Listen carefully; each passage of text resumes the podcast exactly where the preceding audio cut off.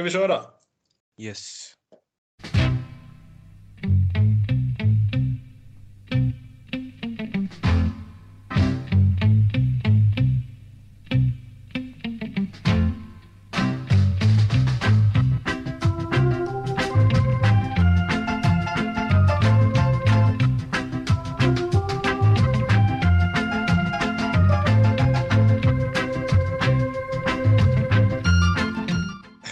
Vänner och välkomna till ett nytt avsnitt utav CSS-podden. Vi skriver avsnitt 140 av CSS-podden som alltså är den enda svenska Chelsea-podden skapad och manövrerad av Chelsea Supporter Sweden, den enda officiella svenska Chelsea-supporterföreningen med platamedlemskap Chelsea FC.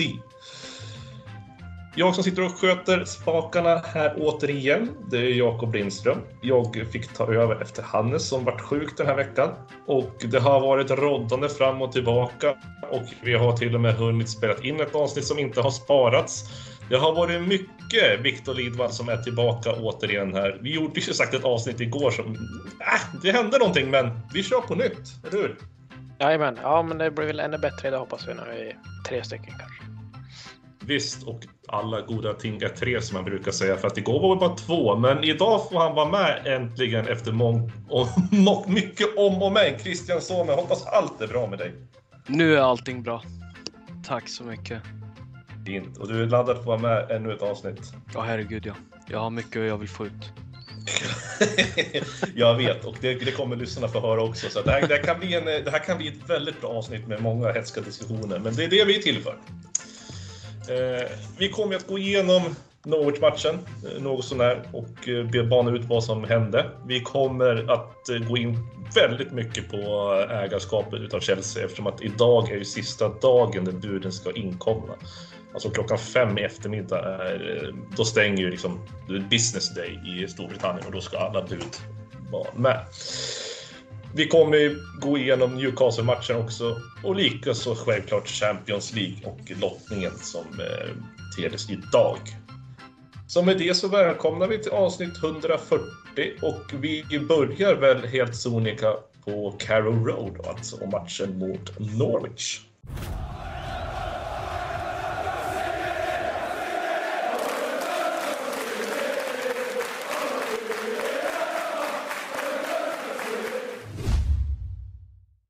Viktor, för tio år sedan ungefär så hade den här matchen varit ganska jobbig att åka till. Men Norwich idag kan vi nästan räkna bort från Premier League att de kommer ju förmodligen åka ur så som de presterar nu. Och vad har du för tycken och tankar? Vi, vi, vi börjar i första halvlek såklart. Yes, ja, det är som sagt det är annan kaliber på Norwich av idag än vad det var tidigt 2010-tal med Grant Holt i spetsen. Eh, men eh, sagt, vi vann första mötet med 7-0 eh, och vi startade det här returmötet väldigt bra. Det dröjer tre minuter innan första målet sitter och fortsätter egentligen så rakt igenom första halvlek.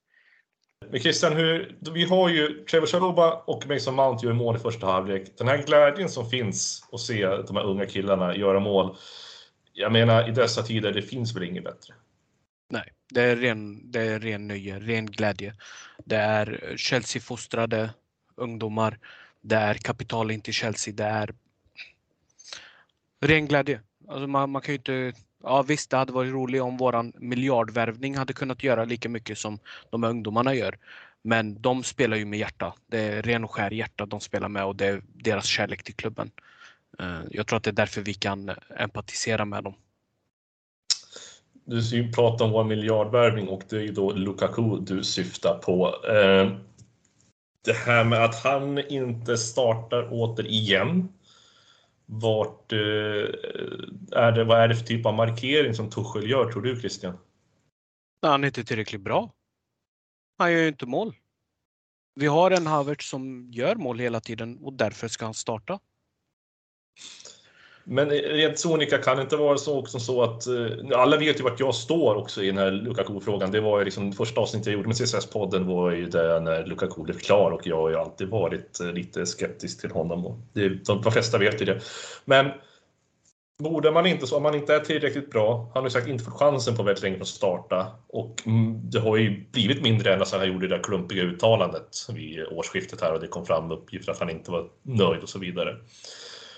Hänger det här ihop, Viktor, tror du också att det, mycket mångt och att han, han, han, han gör inte, han presterar ju inte, men tror du också det finns en eh, tanke att eh, han har betett sig så som han har gjort mot föreningen?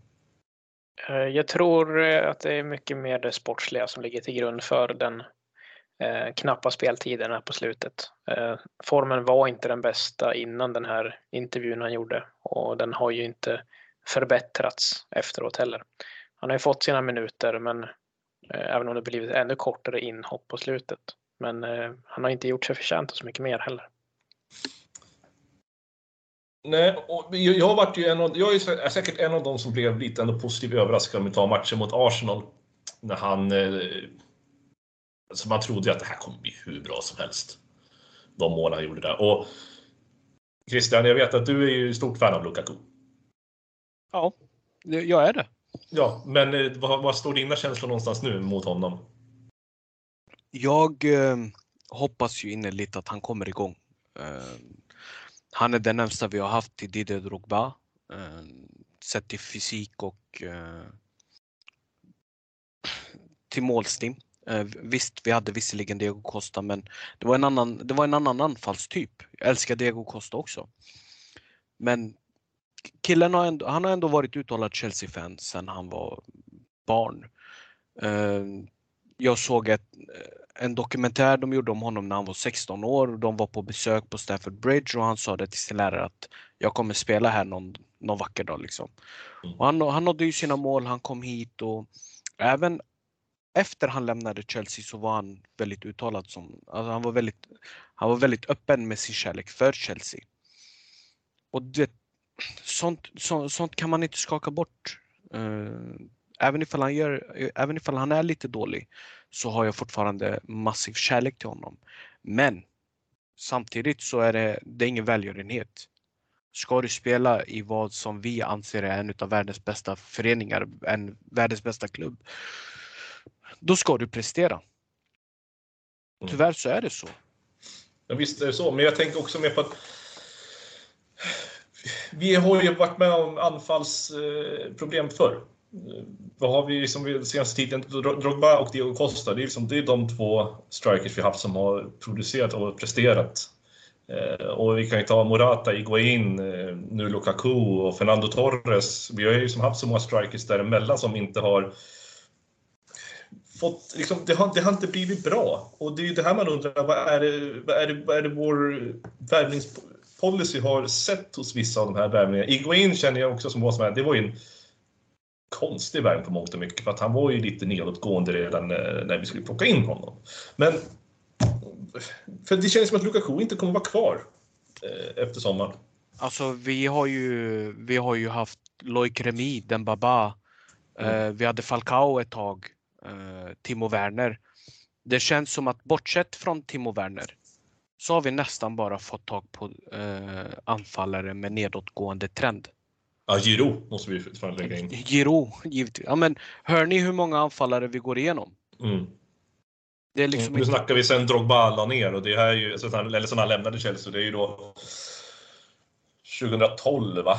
2012 var hans uttalade sista match innan han kom tillbaka en säsong och spelade. Ja, det räknas ju inte sådär på så sätt jag känner. Men, alltså men, 2012, det är tio år sedan. Ja, från tio år sedan, då, då, bara för nöjes skull. Vi värvade Fernando Torres precis innan han slutade. Drog, det tog, vad var det, nio matcher när han gjorde mål? Det känns som att det var mer va? Han gjorde väl typ mål i februari någon gång efter han Hölen kom, mot West Ham. Ja, exakt. Bollen stannade upp. Ja, just det. uh, sen hade vi uh, Loic Remy, Dembaba. Falcao kom. Uh, Giro kom efter det tror jag. Mm. Morata. Pato hade vi. Kan vi räkna Pato som anfallare? Vad gjorde han? Två matcher?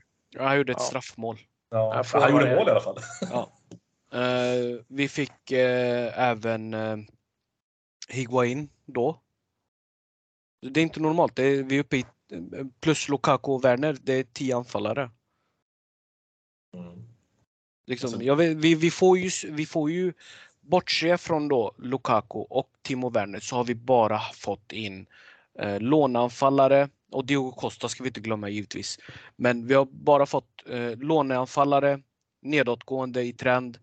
Eh, som om vi vore en B-klubb där de ska liksom få upp deras form. Ja, det är lite, lite så här allsvenskt lag plockar hem en avdankad spelare som ska satsa nytt och komma utomlands igen. Lite den ja, känslan. Ja, men typ. Lite så. Uh, varför, det vet jag inte. Är det för att man har för höga förväntningar? Jämför man alla anfallare med Didier Drogba, Diego Costa? Uh, jag, jag vet faktiskt inte varför det är som det är. Spelar vi vi har haft många olika formationer och många olika tränare. Så det måste ju vara någonting i klubben där så fort man kommer in så blir man förbannad genom att få höra att ja, men här har vi vår nya Didier Drogba. Och så blir det okej, okay, tack för, tack för. Mm. Ja, men just jag tror inte det är så jävla, jag tror inte så jävla kul att bli jämförd med Drogba på det sättet med tanke på vad Drogba uträttade för Chelsea. Alltså det, eh. det, det är dilemma de har. Det är ett riktigt jävla dilemma. Jo, jo. Jag menar, om man tittar på United, hur många är det som jämför nya värvningar de gör med till exempel Van Nistelrooy? Det är inte så många som jag har hört i alla fall som jämför en ny striker de plockar in med Van Nistelrooy eller Rooney eller... Ja, den, deras nya CR7, hela tiden. Ja, nu är ju CR7 förvisso tillbaka, men, ja, men typ uh, Jadon Sancho, ja men han ska bli våra nya CR7. Men nu skiter ja, jag fullständigt i United och jag hoppas ja, att de inte kommer någon vart någonsin i livet. Men vi har ju samma jävla problem. Ja, så är det ju. Men vi ska gå in på det här nu. Eh, och vi säger så här, vi stryker av första halvlek, alltså Norwich-matchen. Nu banade vi iväg lite grann här, men det blir lätt så. Men om vi kommer tillbaka till Norwich-matchen och eh, kliver in i andra halvlek. Den här straffsituationen, Viktor. Vad är det som händer? Ja, det är vår isolerade målskytt, ynglingen Chalova som, eh, ja, som sagt blir eh, själv där ute till höger i eh, backlinjen och ja, han får ju ta oss på en liten lektur men sträcker ut armen, får inspelet på armen, solklar straff som sen förvaltas av Teemu Pukki och då är det lite nerv igen. Ja, för hur utspelar sig det här nu efter målet? Vart står vi någonstans? Det är ju Norwich halvlek egentligen eh, och, och från pausvilan egentligen så är det en sån otrolig scenförändring eh, jämfört med den dominans som Chelsea visade i, i första.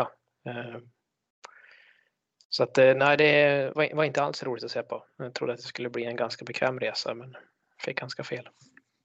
Fram till just den 90 minuten och då kommer han, det här spår, lite sidospåret vi ska gå in på nu, han som har presterat nu för oss eh, senaste tiden och som jag tycker är en, eh, en förebild i mångt och mycket nu efter vissa kommentarer han har gett både med att han är beredd att betala buss och flygbiljetter själv för att komma iväg till matcher. Jag talar nämligen om Kai Havertz och där i 90 minuten han får klippa till den ganska fint. Eller vad säger du Christian? Ja, det var väl rätt så fint tycker jag. Nej, med stenhård boll upp i nättaket. Tack och adjö. Tre poäng. Ja, och 3-1 vinst och vi stryker Norwich-matchen där. Om det inte är någon av er som har ett sista slutord på vad vi ska ta med oss inför matchen som kom mot Newcastle sen. Ja, det får räcka det. Det får räcka. Då gör vi så att vi släpper Norwich-matchen och vi går in i det här underbara segmentet. Eller underbara ska jag inte säga, men eh, på det kan bli underbart, det vet vi inte. Men ända sedan eh, Roman, alltså Abramovic, gick ut med att eh, Chelsea är till salu så har det ju florerat en hel del rykten om köpare fram och tillbaka. Idag är alltså sista dagen för att komma in med bud. Alltså klockan fem idag så stänger det så kallade Business Day i Storbritannien och då ska intressenter ha lagt sina bud. Allt efter det går liksom inte i lås.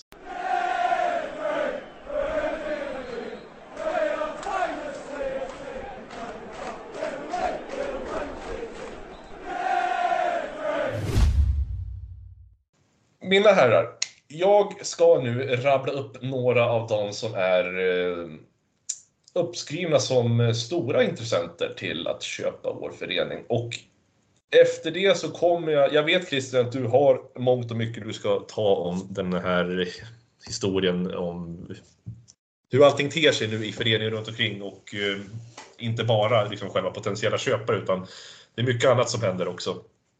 Så att vi kommer gå in på det, tro mig.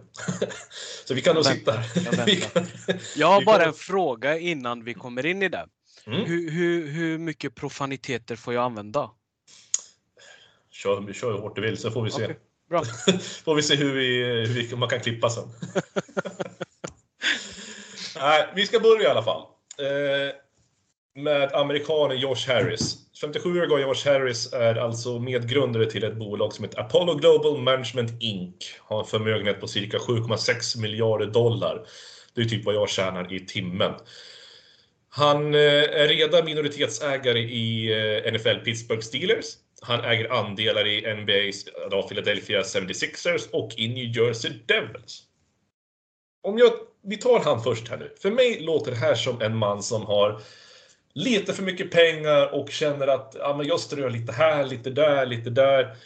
Sen är det klart att han kan ha intressen i de här eh, sporterna och de här lagen, men om vi tar, är det någon som har en replik på det här? Är jag fel ute? Visst känns det här som inte som ett alternativ vi behöver? En amerikan som har lite för mycket pengar och skickar ut det till olika föreningar. Nej tack. Snabb kommentar. Viktor? Ja, det, vi är ju vana att ha eh, Roman som sagt. Vi var ju hans enda leksak, om man ska kalla det så, eh, som han skötte med sån välvilja. Eh, så att, eh, det vore ju tacksamt om det vi var huvudfokus i en sån kontext. Absolut. Mm, det var första och jag säger också nej tack, så vi har röd knapp på den som heter äh! Josh Harris, nej. Vi klättrar vidare och det här är ju, det här, Nästa person är ju lite kontroversiell och eh, som jag och Viktor vi pratade om igår, den inspelning som inte sparades. Det här med att vi ska ju också vara lite försiktiga på hur mycket vi pratar om de här personerna för att vi vet ju inte riktigt allt om dem på så sätt. Vi vet bara det som skrivs och det som finns nedskrivet. Men det är såklart, ingen kan veta mer än det som finns nedskrivet om man inte väl kände person, dem personligen såklart. Men nästa man, alltså Woody Johnson, ännu en amerikanare. Han eh, äger ju bland annat amerikanska fotbollslaget New York Jets. Och han är även tidigare amerikansk ambassadör i Storbritannien. 74 år. Och bland, alltså han har ägt Jets sedan 2000. En arvtagare till något som heter Johnson och Johnsons konsumentproduktförmögenhet. Han är även före presidenten Donald Trumps högra hand och hade stor roll i Trumps eh, presidentkampanjer. Eh, replik på det här. En, ännu en amerikanare, åldersstigen och har starka politiska band till en, en kontroversiell politisk man. Vad står vi? Nej tack. Snabbt svar igen. Och Viktor? Har du ja. utvecklande svar? Jag får, får bredda ut mig lite grann. Eh, nej, det, det, känns absolut inte optimalt. Eh, vi hade gärna spontant tagit någon som inte är lika tydligt associerad med vissa makthavare. Sen tror jag att om Chelsea hade presenterat honom som deras föredragna köpare så hade det gått hem hos den brittiska regeringen.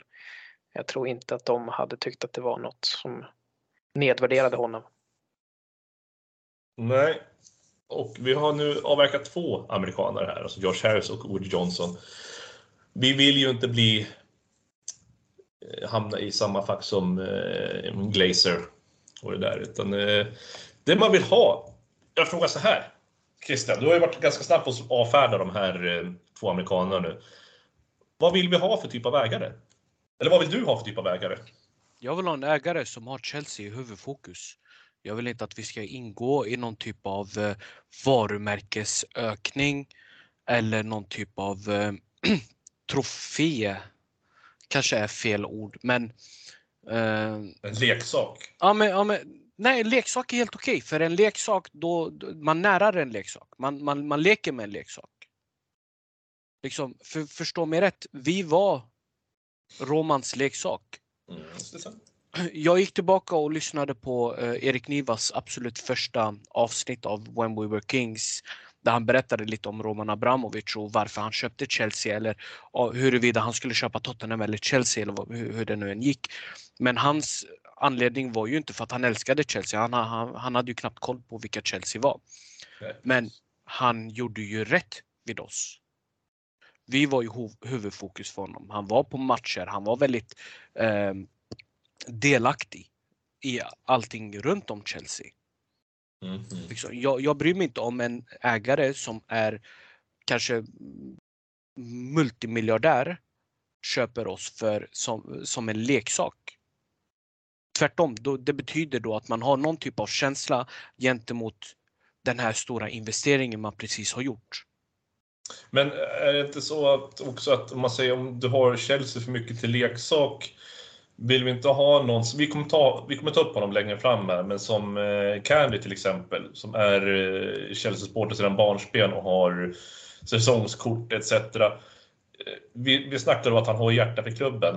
Men kan inte det bli ett farligt alternativ att ha för mycket hjärta för klubben? Och, du förstår vad jag menar? Alltså, det är ju självklart att du har hjärta för föreningen, men det känns också som att har för mycket hjärta, då, då, då, då försvinner kanske lite business-tänk också som man kanske måste ha för att du ska fortsätta ha klubben som en stor förening. Ja, jag tror du fattar vad jag menar. Ja, jag hänger helt och hållet med. Det var därför jag sa att jag skulle gärna vilja ha en kombination av Conor McGregor eh, i form av känslor och någon saudisk multimiljardär som har stenhård koll på liksom, eh, affärerna den kombinationen hade varit helt underbart att se. Någon som går på matchen, någon som kan visa känslor, skrika, twittra någonting dumt om Jorginho spelar jävligt dåligt. Eller om Lukaku inte gör mål, att han blir sparkad på plats eller en tränare blir sparkad. Alltså det, det, det måste finnas någonting impulsivt i en ägare som visar att liksom, okay, här, vi ska vara bäst i världen.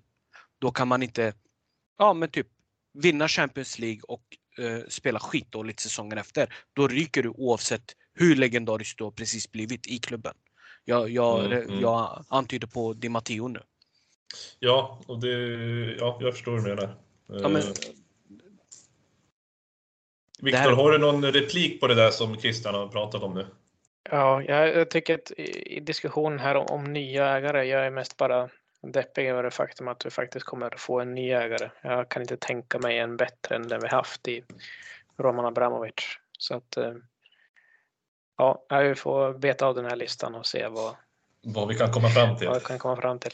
Eh, jag tror som så här, oavsett vad vi får eh, så ska vi nog vara jäkligt aktsamma med att plocka in något från, som det ryktas om, med Saudiarabisk Media Group. Eh, Eh, de här grupperna, de här saudiarabiska prinsarna, oljeshejkerna och sånt. Jag menar, de här kommer ju gå under lupp nu, tror jag, ganska ordentligt efter det här har hänt med Roman nu och andra andra oligarker runt om i Ryssland. Så jag tror att, för jag inte PSG till exempel, som de nu eh, protesterar mot, både mot sportchefen och ägaren, att de vill att eh, liksom, det ska försvinna, att det ska bli något nytt. Kan det här vara, Christian, ett nytt sätt för fotbollen att det kanske inte blir så lätt för de här eh, multimiljardärerna i Saudiarabien och Mellanöstern att köpa upp eh, föreningar på samma sätt och bara pumpa in miljarder och sen, ja, ja du fattar. Jag tycker att man ska vara jävligt försiktig med att inte dra eh, alla över en kam. Jag tycker man ska vara jävligt försiktig med vad man... Kolla nu, vi blir ju extremt drabbade för en anknytning vår ägare hade för typ, ja, vad, vad är det, 20, 24 år sedan. Vi blir drabbade idag som förening, som supportrar.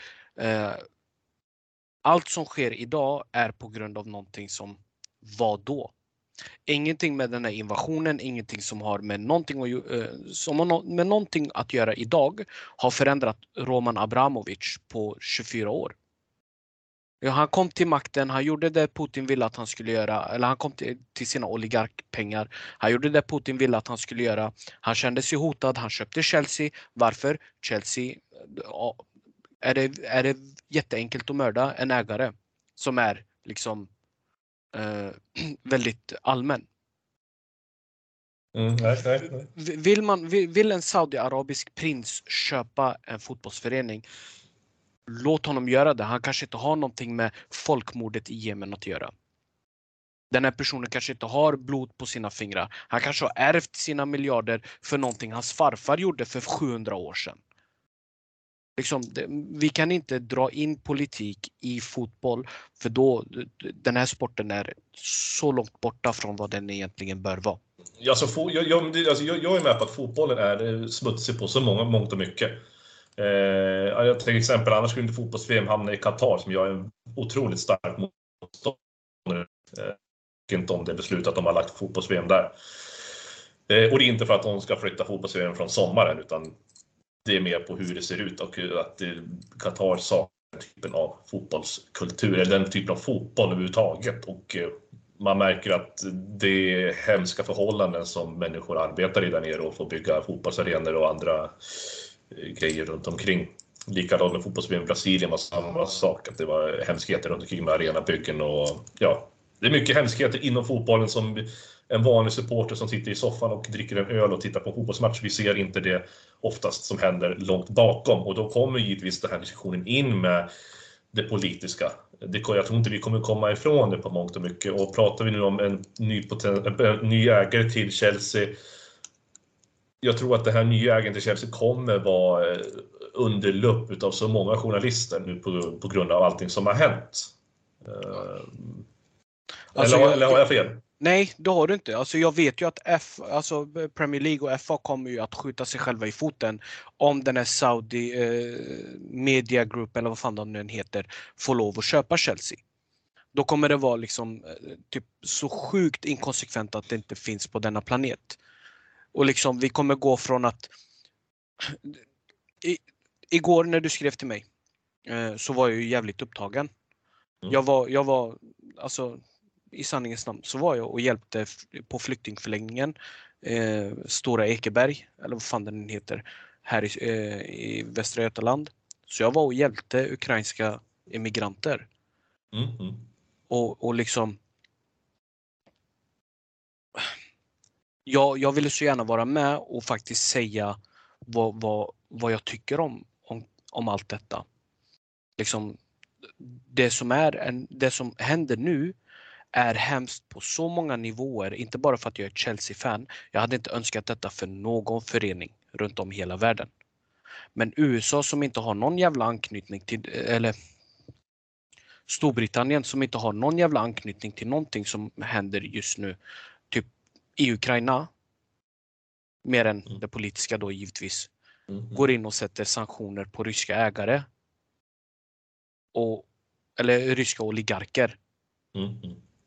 Men detta kommer ju från påtryckningar från till exempel USA att detta måste göras.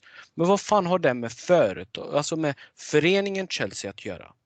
Och så får man höra så här, extremt vidriga kommentarer från andra supportrar att rätt åt Chelsea och det är rätt åt dem. Jag såg att Jamie Carragher skrev liksom, ja men Chelsea gjorde ju samma sak för 25 år sedan. Nej, Chelsea gjorde inte så. Alltså Chelsea gick inte in och köpte upp och började liksom bit för bit att... Oh. Jag hade det så bra i huvudet. Nej, typ så här, man, man, man eh, att man drar bort en bit från Chelsea bit för bit hela tiden. Man börjar jaga Thomas Tuchel, man börjar jaga spelare, man börjar jaga spelare man inte hade jagat. Och, och sen så står man där som pandit i brittisk TV och säger att ja, men Chelsea gjorde ju så för 20 år sedan när Roman kom. Nej, för det var inget annat lag som var utsatt så som vi är. Vi, är, vi snackar nu, det är den 18 mars.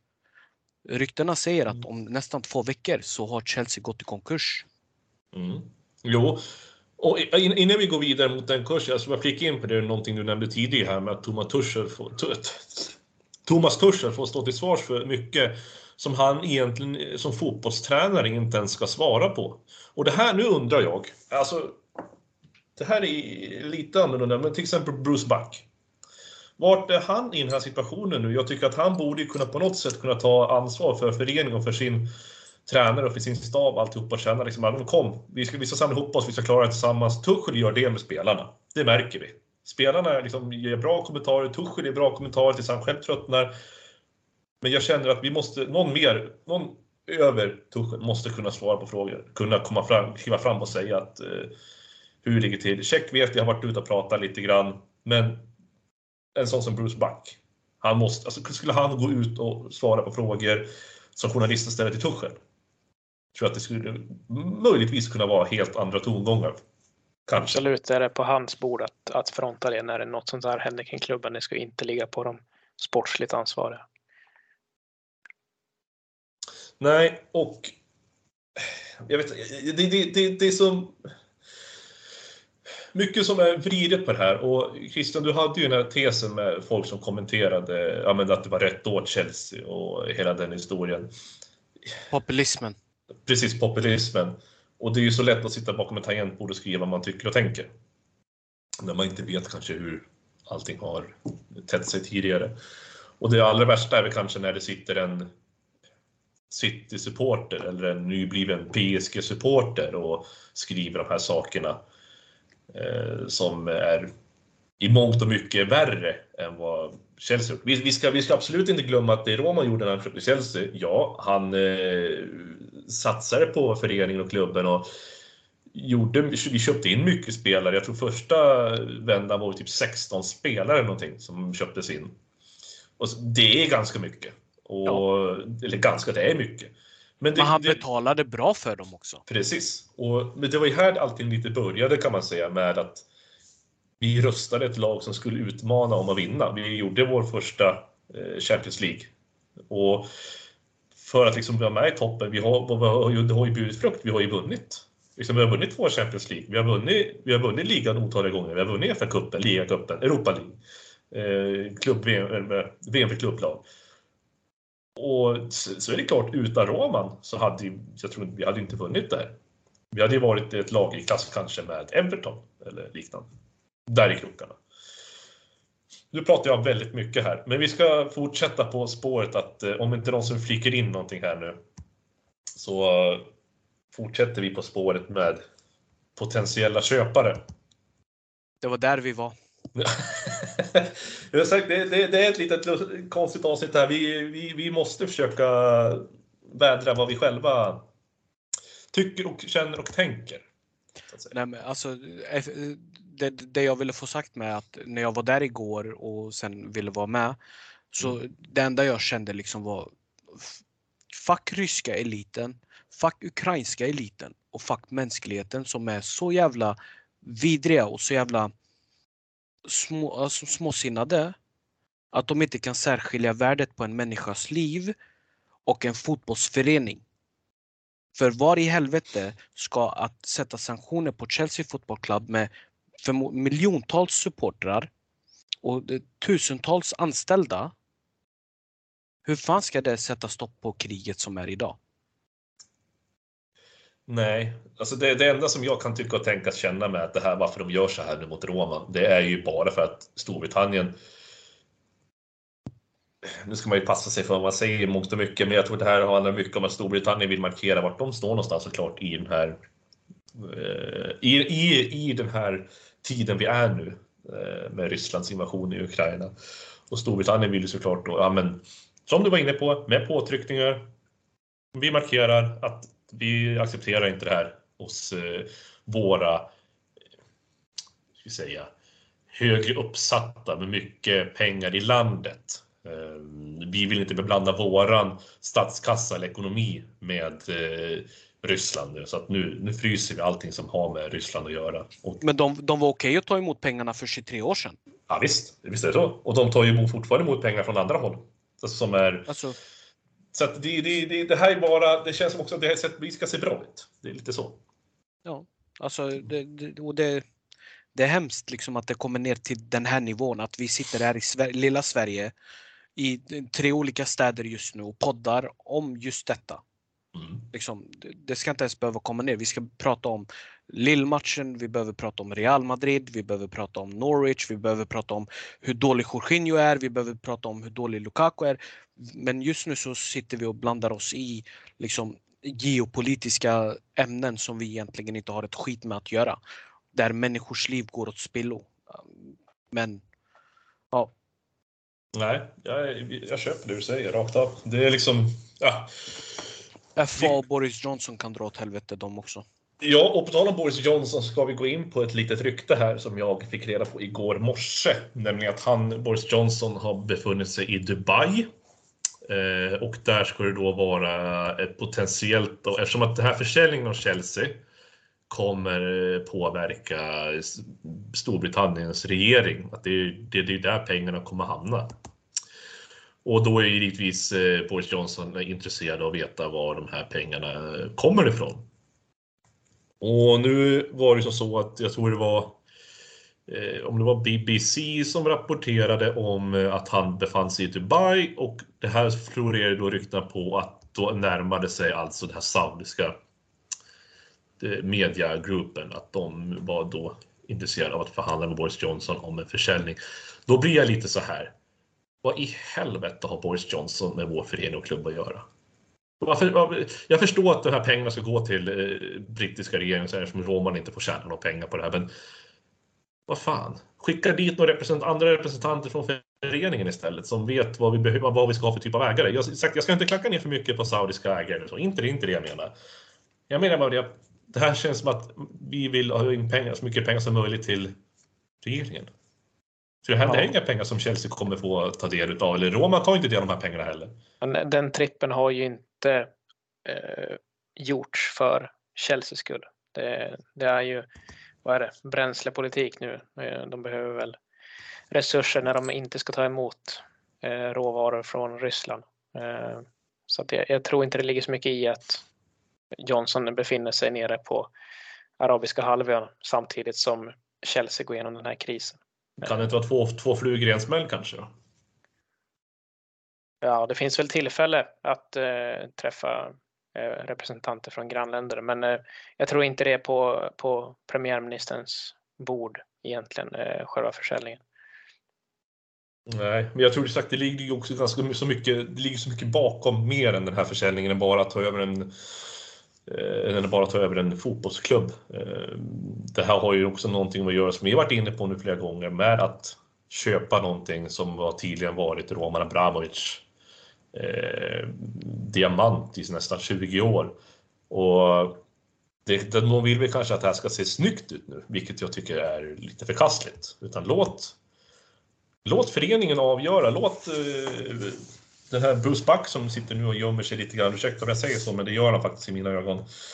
Låt dem istället, låt Marina, låt dem vara med på förhandlingsbordet. Nu är ju hon också rysskopplad så att hon har väl inte så jäkla rätt hon heller kan tänka mig, men Ja, ni, ni vet, Christian, du vet nog kanske vart jag är inne någonstans men också på att det här med att vi låter, låter föreningen bestämma mer på försäljningen. Nu, nu, nu vet jag inte jag exakt hur förhandlingsborden ligger till, men jag kan tänka mig att eh, brittiska regeringen har mer att säga till om än vad Chelsea själva har. Det är klart att de har det. Om de har gått så långt att de har fryst alla Chelseas tillgångar. Klart som fan att de vill se över hela försäljningen och vem de ska sälja till.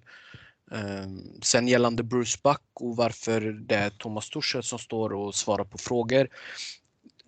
Jag, kan, jag är inte mediatränad för fem öre, det kanske märks.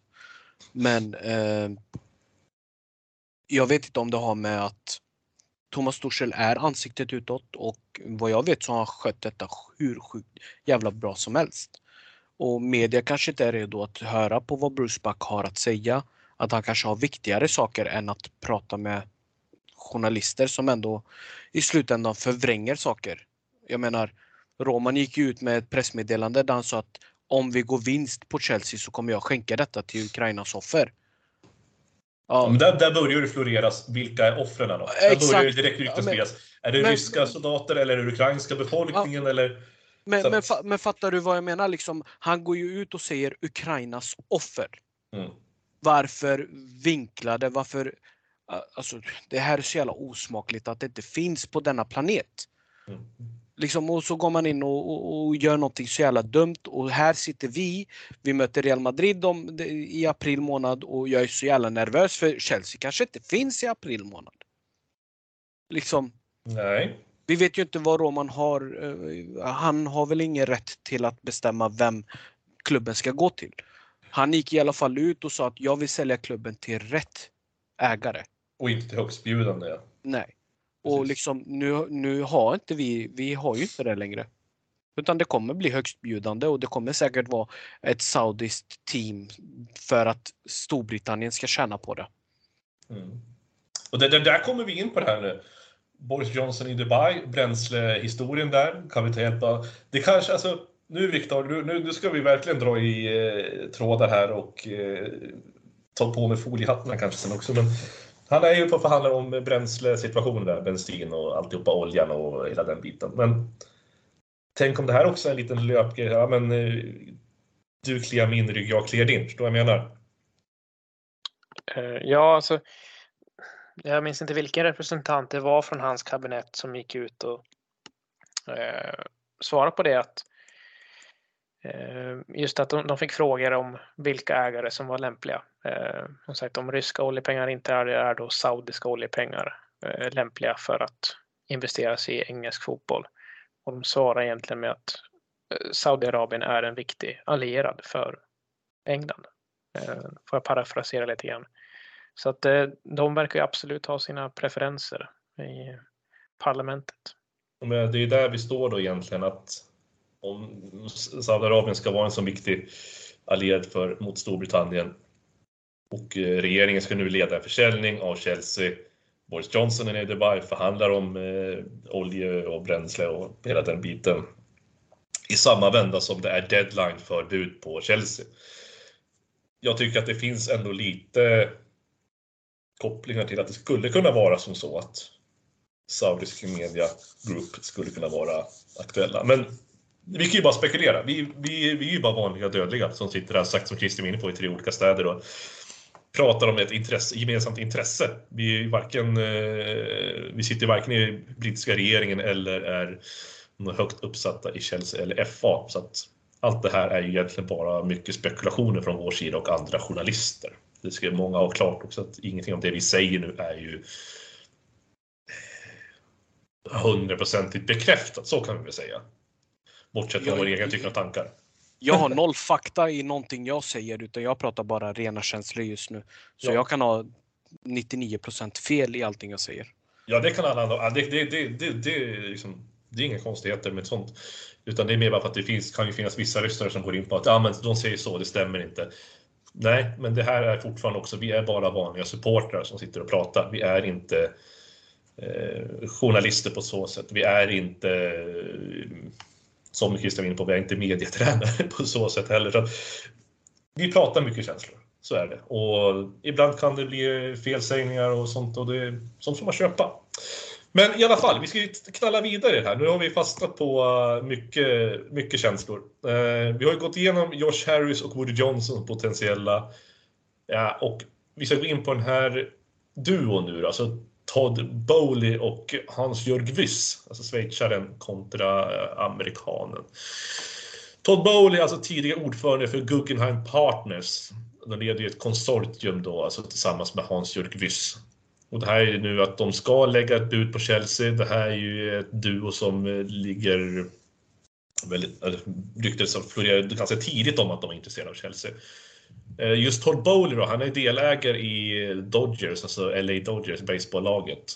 Och det kommer lite eh, beteckningar här och är det så att det blir ett köp av Chelsea så kommer han sälja sitt CBAM Partners då, i Dodgers för 787 miljoner dollar. Alltså ni hör ju vilka siffror och pengar det är. Det är helt vansinnigt. Men det här, för mig ändå känns det här som att den här duon jag läste på lite om Hans Jurgis. Han är ju väldigt engagerad i miljöfrågor och eh, mycket värn om eh, historia och kultur och har ett genuint fotbollsintresse. Eh, han har inte uttalat vad det är för typ av lag han supportar, men jag kan ju tänka mig att han är 80 bast när Hans Jörgis, att han kanske har någon inte vet jag, typ så här Ipswich eller något bra som, lag som var populärt på 70-80-talet. Men i alla fall, vad tror vi om den här kombinationen? Alltså Ted Bo Todd Bowley och Hans Jörgvis.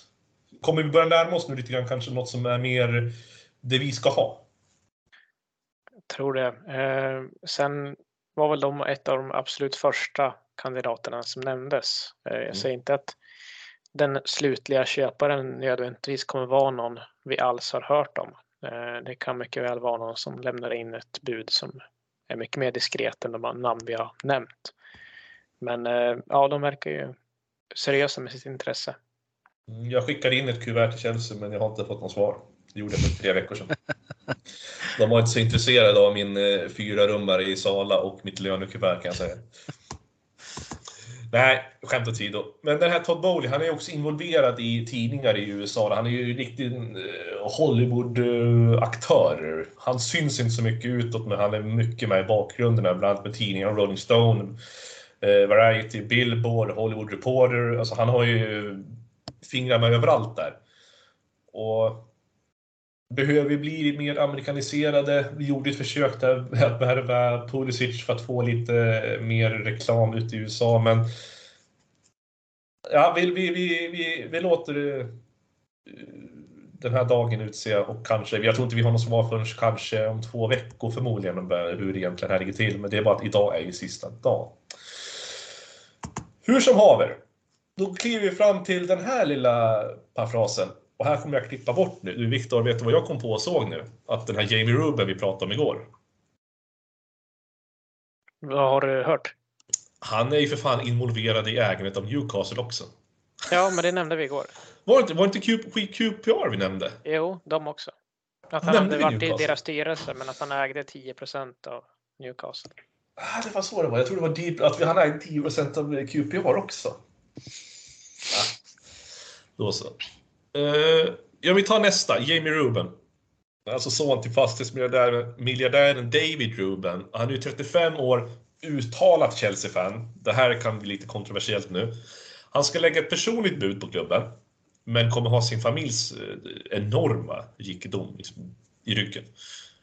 Och kommer kunna finansiera en eh, stor utbyggnad Stafford Bridge, alternativt en ny arena.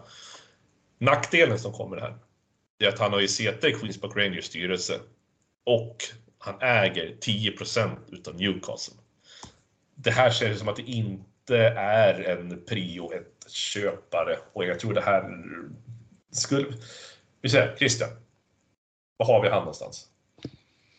Han är väl snäppet över nej tack, men eh, många steg under kanske. Uh, Snäppet ut... över nej tack, många steg under kanske. Ja. Uh, men så här, uttalat Chelsea-fan. Han har 10% ägarskap i Newcastle. Han sitter i styrelsen för QPR.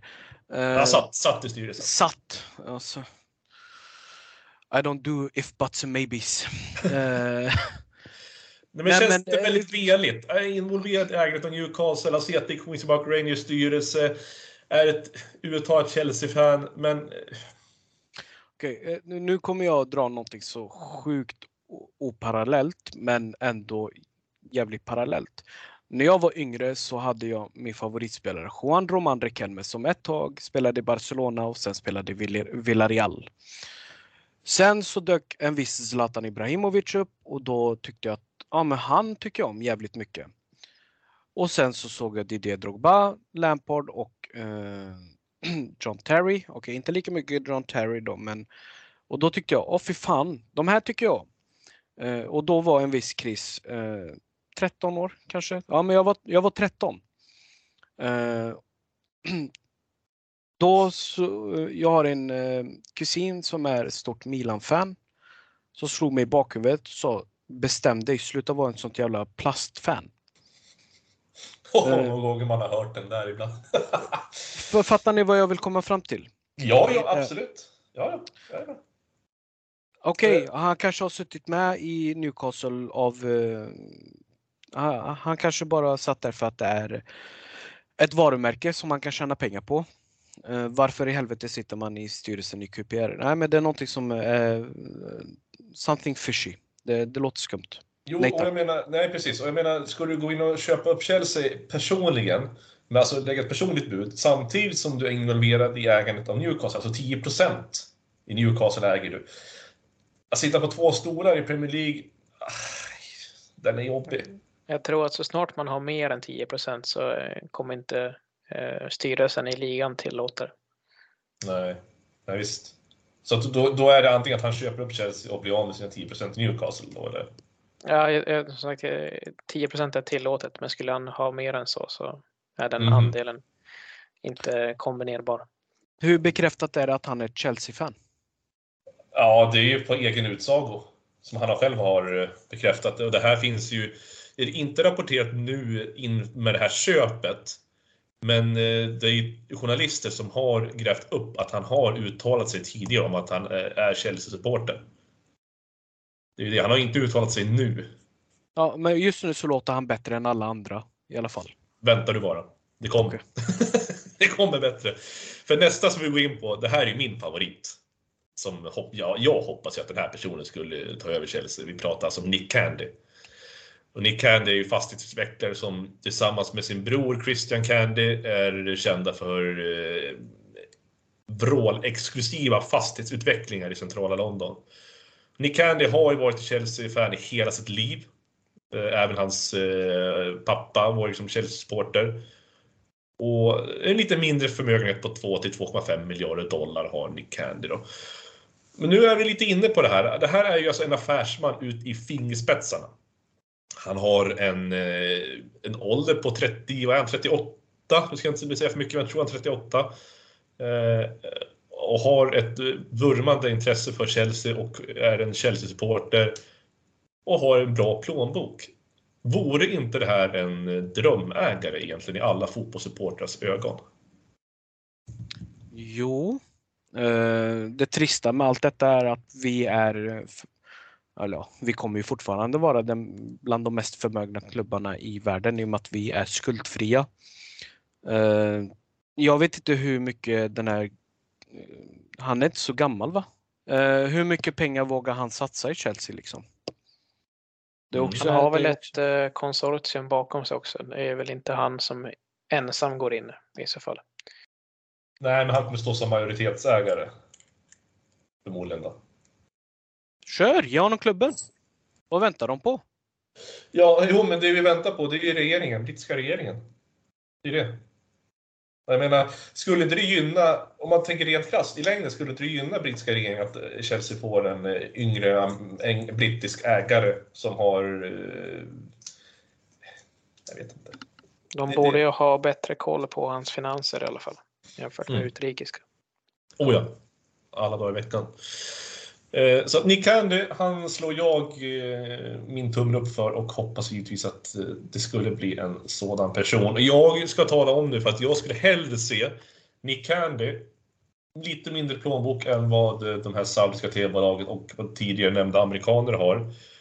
Och jag skulle bara bli väldigt nöjd om vi hade en sån ägare som brydde sig om föreningen på så sätt och vi kanske istället blev ett mittenlag. Ursäkta, det här låter hårt nu, men för mig spelar det inte så stor roll på ett så sätt längre eh, att vi får in en ägare som ska spendera mycket pengar på att köpa in stjärnspelare som vill spela hos oss i två år och sen lämna för att de, de har liksom spelat upp sig och gjort mycket mål. Utan jag skulle hellre vilja se att Chelsea blir eh, det här laget som vi kan bygga på nu med våra yngre spelare, att de blir kvar.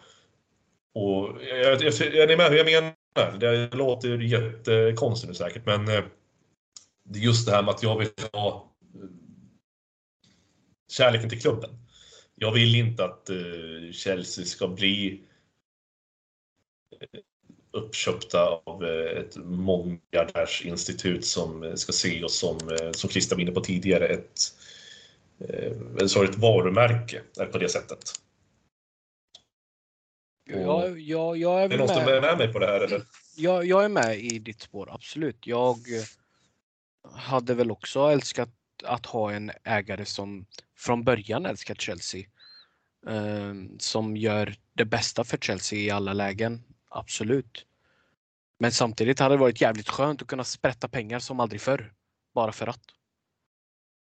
Ja, och vi ska som Viktor också varit inne på, vi ska absolut inte glömma bort det Roman har gjort för Chelsea. Alltså att kliva in eh, 2003 och köpa upp Chelsea där han inte ens, han visste liksom inte ens vilka vi var, men har under de här åren uttryckt sin kärlek för klubben och han har ju visat det i så många avseenden och inte minst vad han har gjort för eh, England i stora delar. Jag tänker nu när covid bröt ut till exempel och vad Roma gjorde då med sina pengar. Ja, men han satsade dem i sjukhusen, i eh, sjukvårdspersonal och överlät Chelsea-hotellet till eh, sjukvårdspersonal. Mycket, alltså det var ju hur mycket som helst som gjordes.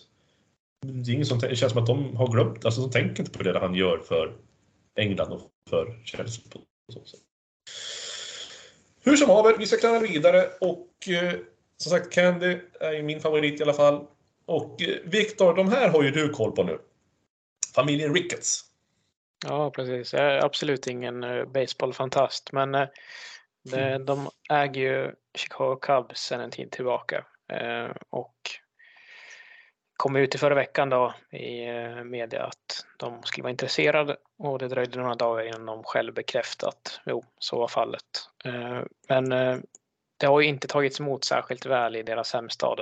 Såväl Eh, Eh, Chicago media som supporter, supporter till Cubs är ju vansinniga av allt att döma. Eh, de har, eh, vad jag kan ta mig till så har de ju nedmonterat klubben sportsligt. De har tradat bort alla spelare som är värda att ha och vill som inte spendera mycket mer på klubben annat än om de faktiskt kan hållas vid liv. Så att det, det känns ju lite eh, halvkast egentligen, om det skulle vara så. Mm, och där var egentligen eh, Ricketts, de är ju sista, ska vi slänga in den här eh, tweeten som kom ut när Chelsea var utnämnd till salu, att Conor McGregor tweetade att han ville köpa Chelsea.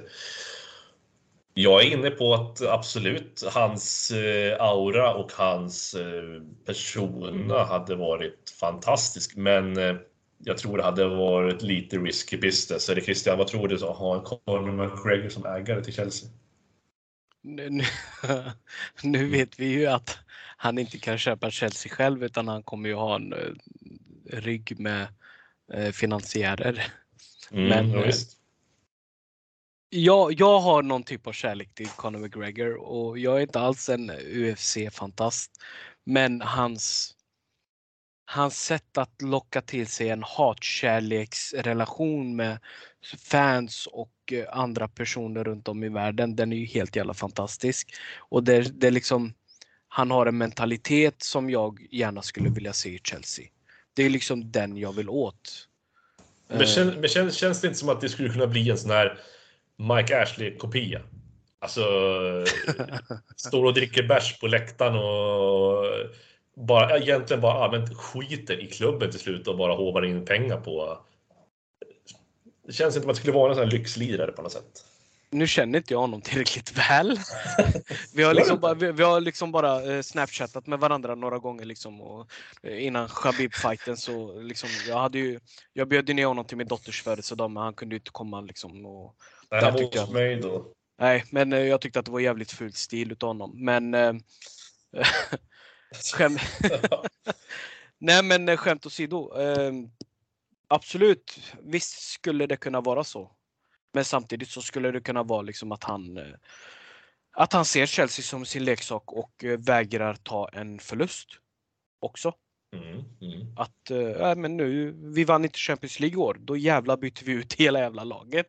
Och så hatar alla honom tills att vi faktiskt vinner Champions League året därefter och då är han legendar. Och sen... Så skulle nog fan, oavsett vad, jag skulle fan inte vilja ha det som så att man har kommit in i en sån, som ägare som är så jäkla nitisk i mångt och mycket. Man tycker också att eh, perioderna vi har haft med Abramovic här när tränarna sparkas till höger och vänster, att ge oss lite stabilitet, ge oss lite lugn och ro nu. Ge oss lite andrum och ja, så Nej, känner jag. Jag, jag, jag håller helt och hållet med. Jag skämtar ju. ibland. Jag du... ibland, ibland skämtar jag. Men eh, eh, hans mentalitet är faktiskt någonting vi verkligen skulle behöva i Chelsea. Ja, mentaliteten, det, det snackar jag in. Den, den, den skulle vara, liksom vara helt underbar. Och, och det, är liksom bara, det är liksom bara den egenskapen där jag med en pincett väljer att ta ur hela det här Conor McGregor-ryktet. Liksom. Mm. Eh, sen, ja, han är ju ett as till människa i mångt och mycket. Och vem vet om han skulle vara seriös eller inte, men... Nej, nej precis. Eh, vi, ska släppa, vi ska släppa det här segmentet nu med eh, sälja biten och fokusera lite mer på det sportsliga och fotbollen. På tal om karismatiska ägare och trubbel i klubben så kommer vi att flyga över till söndagens match mot Newcastle United.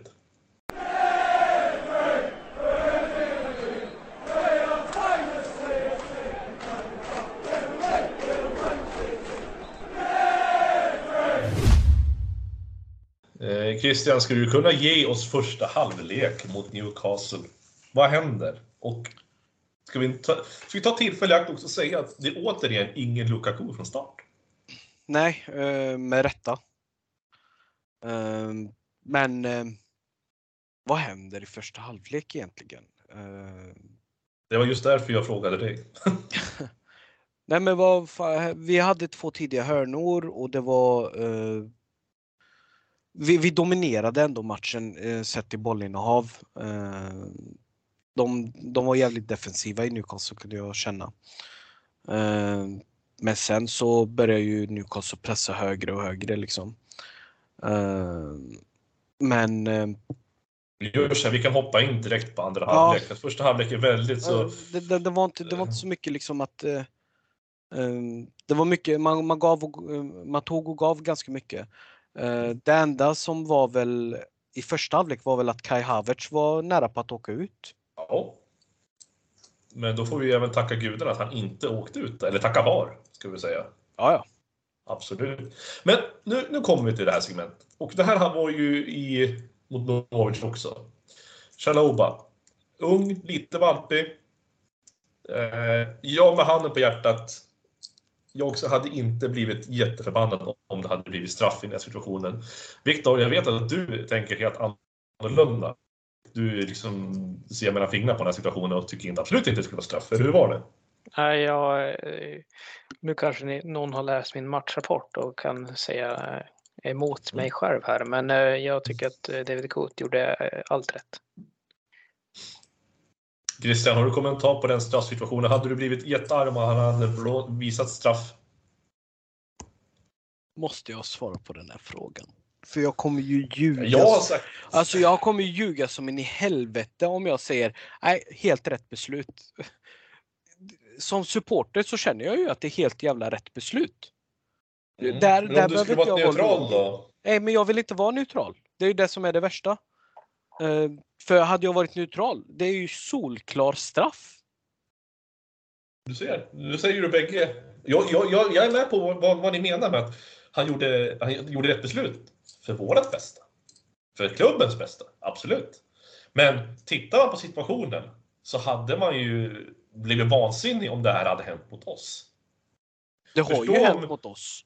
Jo, men jag tänkte just i den matchen nu.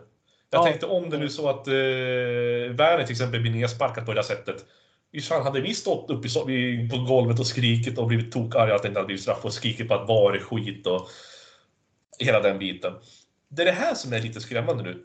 Hur tillförlitligt är VAR egentligen? Om just den här situationen. Jag ska inte snacka bort om att det var ett eh, dåligt beslut och inte straff. Det är inte det jag menar. Jag menar bara på att det är ju också inte att det är en straff. Alltså, ni förstår vad jag menar?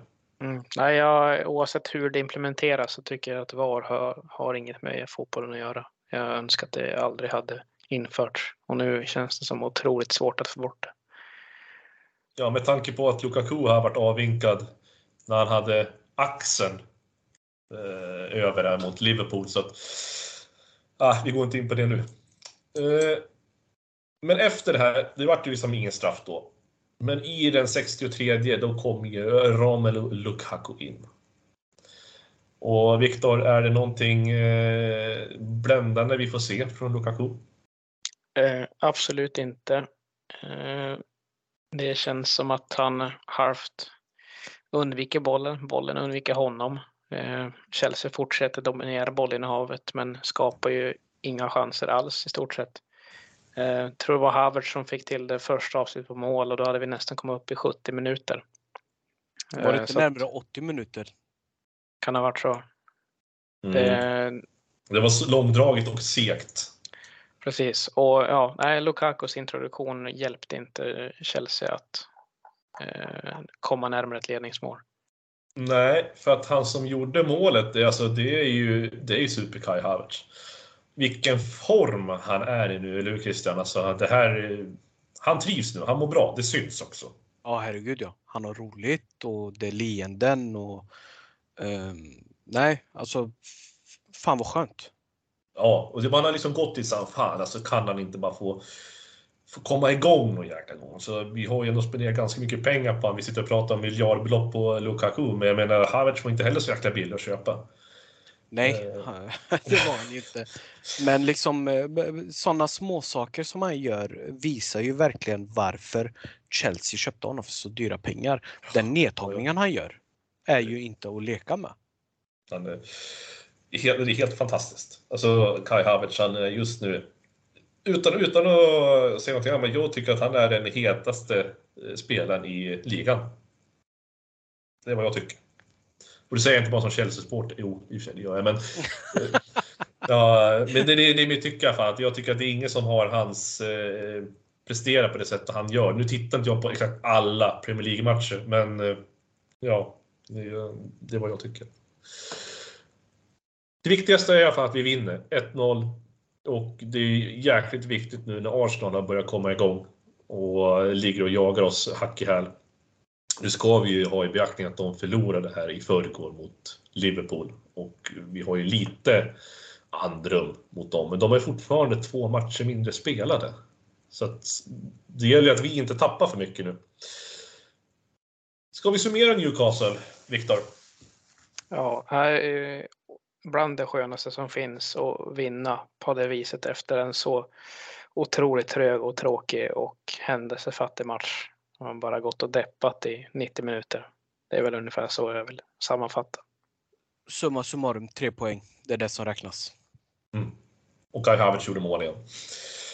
Eh, och med det så stryker vi alltså Newcastle-matchen. Vi är 1-0, tre poäng in. Och vi tar oss till eh, åttondelen, andra mötet mot Lille.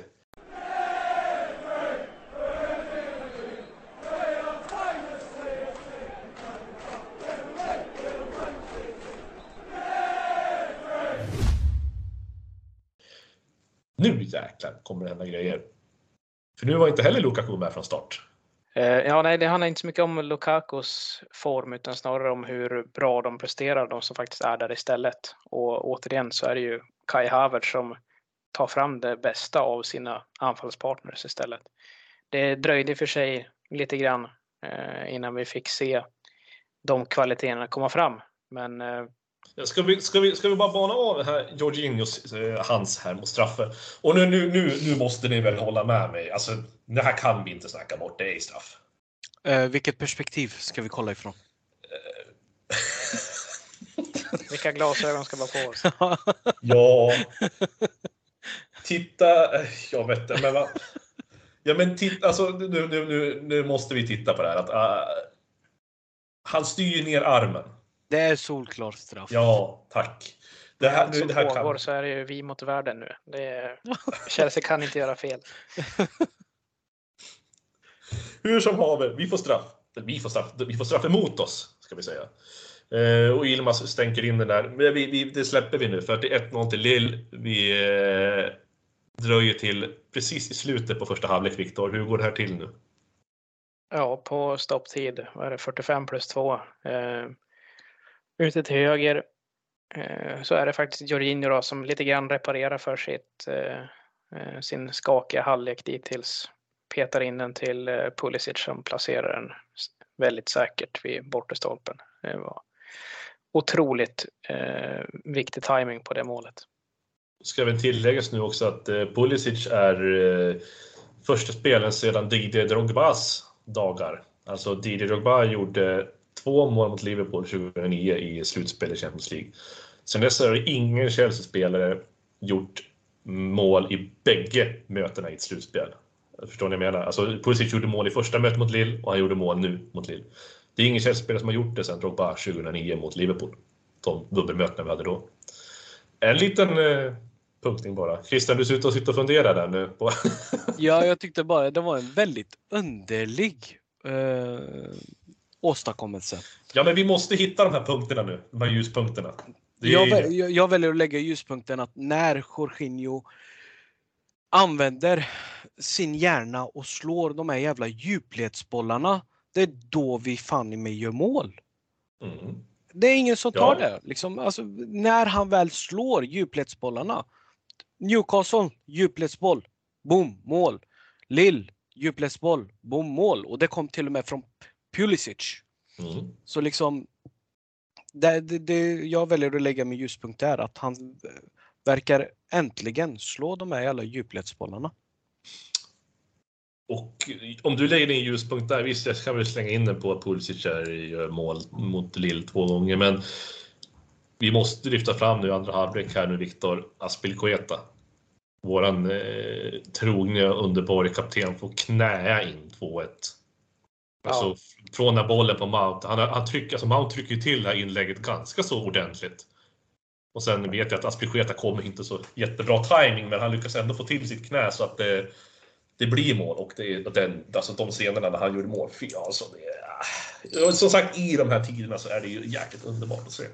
Ja, hur ska vi klara oss utan honom kommande säsong? Om det... Säg inte så. Reece James. Ja, men James ska ju vara framför. Vi ska ha Aspelkueta bakom. Ja. James ska vara wingback och Aspelkueta ska vara en i den där trion där med Silva och Rydiger, tycker jag. Eh, vi var inne på det här med Aspelkuetas roll. Att... Eh, igår ska jag säga att vi var inne på det, inte nu idag. Och Aspelkueta... Fan, man saknar att se honom i de här lägena som han eh, var så jäkla bra i när Conte införde det här med wingbacks. Att hans offensiva kvaliteter. Alltså han springer ju upp och ner, upp och ner, upp och ner. Det är ingen annan som har gjort det. Ja, Reece James då, givetvis. Men han börjar ju komma till åren också. Han orkar ju inte lika mycket längre. Det har ju bevisligen vi sett. Och, men vad tycker ni? Kommer vi, ska, vi, ska vi fortsätta med Aspi utan att vi ser med ögonen att han är vår kapten och han är trogen och han är en underbar person på det man ser? Ska vi alltså flytta ner han ett snäpp och låta han vara fokuserad på den här defensiva positionen och sätta in Reece James framför? Eller hur vill ni ha det? Om eh, Christensen eh, verkar ju närmast förlorad så varför inte? Sen är ju varken han eller Thiago Silva någon som spelar 55 matcher per säsong längre. Så det lär ju behövas nyförvärv oavsett.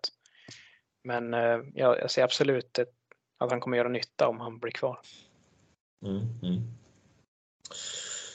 Vi ska vi avverka egentligen lite snabbt med att vi vinner med 2-1 och sammanlagt eh, 4-1 blir det då ja.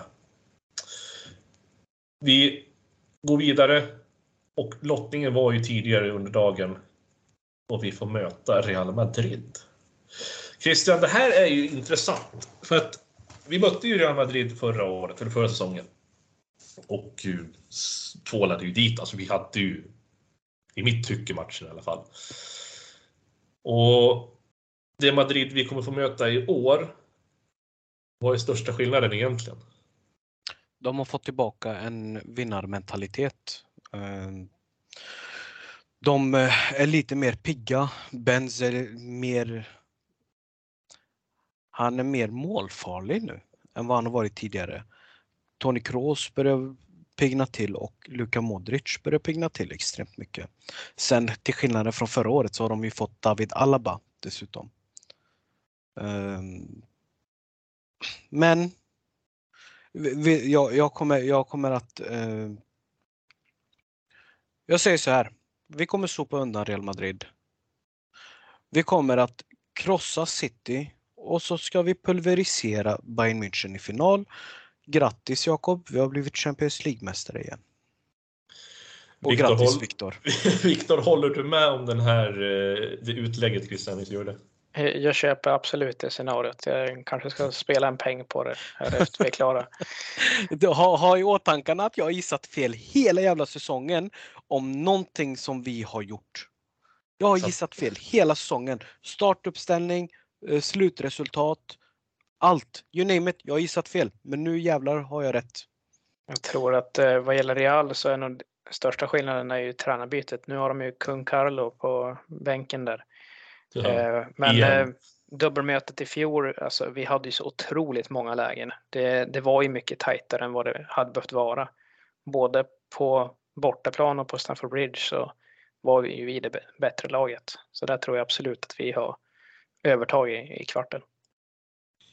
Hoppas det och eh, jag kan inte vänta och bärga mig för att få se den kvartsfinalen. Eller de kvartsfinalmatcherna, ska jag tillägga. Vi har ett bra långt avsnitt idag och vi har benat igenom Norwich. Vi har ett långt segment med eh, nya ägare och vi har banat igenom Newcastle, Champions League. Men det som ligger här närmast är ju imorgon då vi har FA Cup-möte mot Middlesbrough.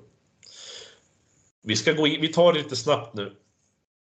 18.15 börjar alltså matchen, Middlesbrough borta. Eh, Christian, vad är dina förväntningar på den här matchen? Eh, lite nervöst. Eh, vi möter ett eh, avsevärt sämre lag än eh, de drabbningarna vi har haft nu. Eh, Anledningen till varför det är nervöst är på grund av att Ja men nu börjar det närma sig den här jävla deadline med hur mycket Chelsea har råd med att egentligen gå utan intäkter. Um, Samtidigt så har vi ju styrkebesked. Vi vände underläge nyss eh, i veckan. Um, men av någon anledning så brukar inte, så har inte Chelsea spelat upp sig mot mycket sämre motstånd. Jag ser hellre att vi möter Liverpool och City varje dag än att möta Middlesbrough. Mm, ja, jag är med på hur du menar. Viktor, vad är dina tankar någonstans? Är det här en chans för att se Lukaku från start kanske? Jag skulle tro det. Eh, att han får starta. Eh, det ska han ju klara av. Att fylla på sin målkvot lite grann. Eh, de ligger väl sjua i The Championship om jag inte minns fel. Och Luton låg ju sjua i förra rundan när vi mötte dem. Vi fick ju se ett ganska seniort lag. Det var lite blandat reserver och startspelare så det, det blir ju något likartat här skulle jag tro. Har ni någon eh, yngling i vårt eh, develop team, ska vi säga så, som ni skulle gärna skulle vilja se från starten av matchen? Börja med dig Christian. Harvey Vale. Viktor? Ja, jag instämmer och det är nog det som är mest sannolikt. Han har varit med här i resesällskapet i Lille och eh, de föregående matchtrupperna. Så att eh, är det någon vi får se så är det nog Vale. Det återstår att se, sa den blinde till den döve. Eh, jag tycker att vi är... Eller jag tycker, eller jag tycker att vi, är nöj, vi nöjer oss där för att vi har eh, fått med oss ganska mycket. Och innan vi stänger ner den här butiken så ska vi påminna alla som lyssnar att följa oss på sociala medierna eftersom att det är supporterföreningen Chelsea Supporter Sweden som står bakom podden och eh, man behöver inte vara medlem för att ta del av det ideella arbete som görs. Men man kan ju stötta genom att, eh, genom att följa oss på de olika sociala medierna som finns och vi har ju då bland annat Instagram där vi heter Chelsea Sweden understreck official. På Twitter så heter vi at Chelsea Swe, alltså Chelsea SWE. Jag själv har inte skaffat Twitter ännu. Det har jag sagt i varje avsnitt att jag ska göra och jag låter det fortfarande ligga på dekis ett tag till. Men om ni vill så kan ni till exempel följa Christian, han heter att Christian. Och Viktor har också Twitter, han heter ju Viktor. Och det här tror jag är första gången som jag någonsin har nailat att säga båda medpoddarnas eh, Twitternamn utan att behöva pausa och klippa och fråga. Vilket jag är sjukt stolt över. I alla fall, jag rekommenderar även ett besök på vår hemsida för Svenska fans. Det är alltså www.svenskafans.com Chelsea där man kan läsa artiklar, matchrapporter, krönikor, in från supporterklubben, allt arbete runt omkring och det är hur mycket som helst. Viktor brukar vara inne och slänga in lite matchrapporter och annat gött som ni kan gå in och läsa. Jag skulle... Ja, gör det för tusan. Det är kul att läsa på det, det man brinner för. Och givetvis lyssnar du på podden och inte blivit medlem i CSS-podden-gruppen på Facebook så kan vi givetvis rekommendera det också för att vi kan diskutera det här avsnittet, innehållet som vi pratar om. Man kan eh, dela och läsa olika trådar och diskutera i matchtrådar som läggs upp inför varje match och alla likasinnade vi pratar om högt och lågt när det kommer till Chelsea.